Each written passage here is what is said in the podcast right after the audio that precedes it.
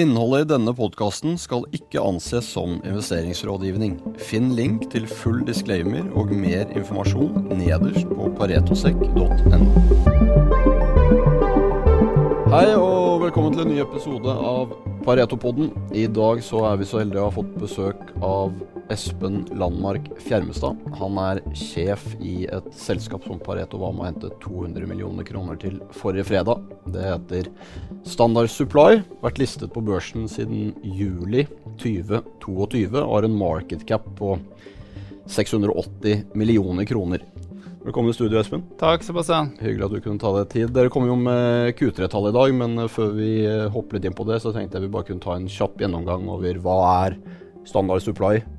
Vi er jo et relativt lite børsnotert rederi. Vi har i dag ni PSV-er, men vi er jo ikke nye til verken børsen eller markedet. Um, største aksjonær i Standard Supply er jo Standard ETC, som er kontrollert av, av Fanclave.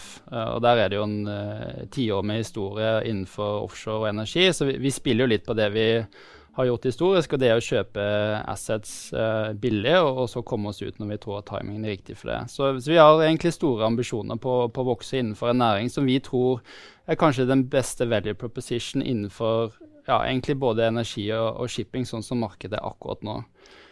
For Du sa jo dere har ni PSV-er. Bare for å komme litt inn på det, så er det da tre stykker av det vi kaller store PSV-er. Én medium size, og så har dere fem uh, medium size som dere eier 51% Og de har dere jo kjøpt på en 50-65 eh, discount til uh, replacement cost. Og så drifter dere jo ikke disse skipene selv. Ta litt om det, og på en måte hva deres value proposition til, til markedet er. Ja, vi har jo eid PSV siden 2018, uh, eh, og siden det så har vi hatt en, uh, en manager i, i, Skottland som heter Keith Fletcher. Han kontrollerer nå 15 PSV-er, inkludert våre ni på vannet. Og Vi mener vi har en ganske sånn billig driftsorganisasjon. Vi har jo lite gjeld på skipene i dag, så vi går rundt på en, en driftkost på rundt 6500 dagen, og så har vi ca. 500 GNA på toppen. Så vår Kalle cashback-givene er 7000 dollar dagen, og det tror jeg eh, står seg ganske billig i forhold til de fleste, eh, om ikke alle børsnoterte rederiene, som har vesentlig større flåter enn oss. Så vi vil obs på det at vi ikke bygger en, en stor organisasjon her. Vi, vi er inne i PSV, for vi tror det er veldig god matematikk i eh, å eie disse skipene. Men vi har ikke noe sånn religiøst forhold til å bygge et, et stort selskap her. Så derfor tror vi en ekstern manager er den billigste måten for oss å få den eksponeringen. For de som ikke vet uh, hva en PSV er, så er det et uh, plattformforsyningsskip. Og det ligger en episode, uh, hvis man blar litt tilbake i Pareto-historikken, med Bård Rosef, hvor vi går litt mer gjennom dybden av markedet. Så kan dere ta og lytte på den hvis det er noen termer her som er litt usikre. Espen, dere kom med Q3-tall i dag.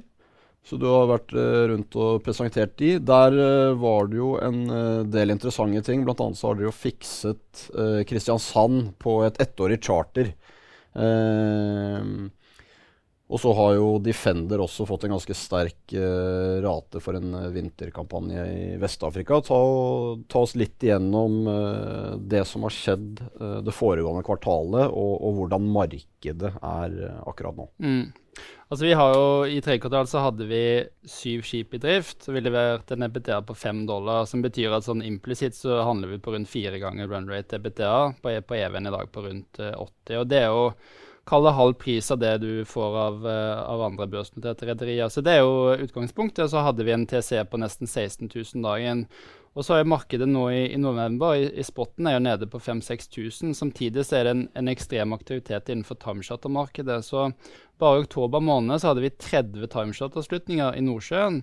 Det er tre ganger så mange som vi hadde i september. Eh, og vi tror dette er fordi at befrakterne nå ser konturene av noe som kan bli et veldig stramt nordsjømarked i 2023 og 2024. Uh, og vi har jo greid å ta nytte av dette i form av å slutte ut en av disse midsizene våre som er bygga i 2005. Det er kanskje det minste og, og minst verdifulle kalde skipet i porteføljen nå, på ett år, som gir oss en inntjening på over 3 millioner dollar. Uh, og dette skipet var jo verdsatt til 6 millioner dollar når vi børsnoterte nå i, i juni. Så, så, det er jo en effektiv toårs payback på en investering. Eh, og så ser vi på større typer tonnasje at vi kan slutte nå for vintermånedene på nesten 20 000 dager i Vest-Afrika.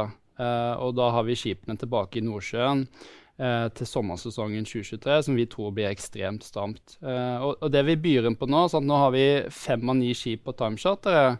Og så får vi av to stykker til inn i 2023. Men, vi ser nå 15 000-16 000. Det er timechartermarkedet for mindre PSV-er for 2023. Eh, og så byr vi inn nå kalle høye titallet, lave 20-tallet for vinteren, og høye 20-tallet for sommersesongen 2023. Der er det allerede slutta tonnasje på høye 20-tallet for tre til fire måneder i Nordsjøen neste år. Og dette er jo eh, perioderater som vi egentlig aldri har sett før. Vi må iallfall gå tilbake til eh, peaken i 2012-2014. Så vi har hatt et enormt sterkt timechartermarked akkurat nå, mens, mens spotten i Aberdeen og, og, på norsk side er, er, er betydelig lavere. da. Jeg anbefaler jo alle å, å, gå inn og bla gjennom rapporten som, eh, som, Espen eh, og Standard la ut i dag. og Der ser man jo flåteoversikten og får en fin oversikt på, på hvor lenge de er kontrahert, og hvor mange som er i spotten osv.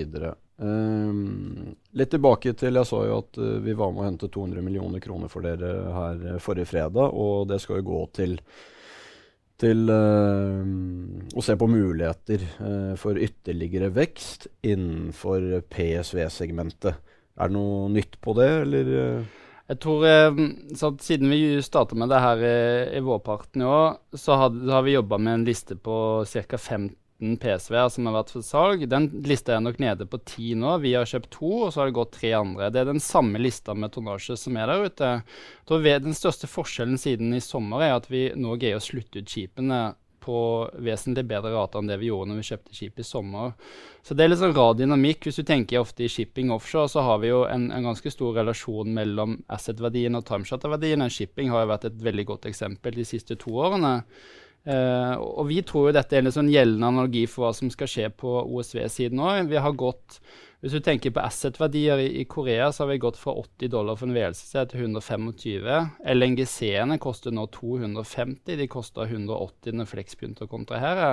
Det har vært en ekstremt inflasjon i verdikjedene i, eh, på verftene. Og dette er jo samme dynamikk om du bygger boreskip eller om du bygger PSV-er.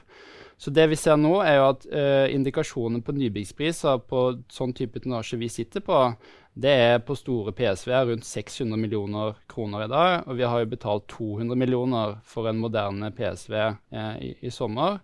Eh, og så ser vi tilsvarende flytninger på, på annenhåndskurven. Så hvis, hvis, dette er en analogi for hva som har skjedd i shipping, så skal vi løfte nybyggsprisene med 50% og så skal vi løfte secondhand-verdiene med 100-200% Og Det er jo oppriktig det vi tror på, fordi det vi kan kjøpe i markedet da, gir oss to til tre års payback på investeringene.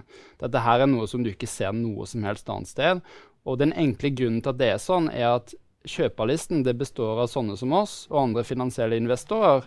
Men det, men det begrenser seg til, tre til fem uh, investorer. Og så har vi én til to odde kjøpere internasjonalt. Men, men størsteparten av, redernæringen her er jo bundet til masten i forhold til hva de kan gjøre på, på SMP-siden. Og det gjør at du har et helt uh, merkelig marked, på en måte. At det, er ingen kjøpere, nesten. Uh, og det er fortsatt en del distresselgere der ute som har legacy-tonnasje med veldig høy gjeld på seg. Vi var jo litt inne på markedet med at du sender denne Defenderen uh, ned til Vest-Afrika og mest sannsynlig tar den tilbake til Nordsjøen uh, når vi kommer inn uh, mot sommeren i, i 23. Vi ser jo en økende rig count i UK, selv om vi fortsatt er milevis unna der hvor vi var. Hva, hva, hva ser du for deg å gjøre med, med resten av flåten her ja, etter hvert? Det, det, vi tror vil skje nå Nå har vi jo hatt, hvis du ser på spotten i Nordsjøen i 2022, har vi hatt det beste året on record siden 2012-2014-perioden. Så det er jo liksom markedsbalansen i spotten i dag.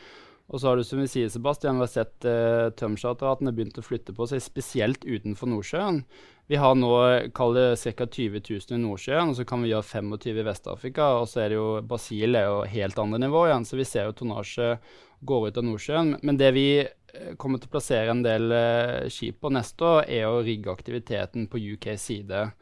Uh, og dette har jo litt med Energy Security i Storbritannia. De har hatt en hydrokarbonproduksjon på, på linje med det Norge hadde på 90-tallet, og nå har de bare halvannen million fat igjen. De er jo nettoimportør både av kull, olje og naturgass, og, og, nå er det jo en del kluter som settes til for å få opp aktiviteten. Uh, og vi sitter jo med andre assets uh, innenfor denne sfæren nå. Vi, vi, ser spesielt på rigg-siden nå at det, uh, det, kommer flere rigger inn på, på sektoren neste år.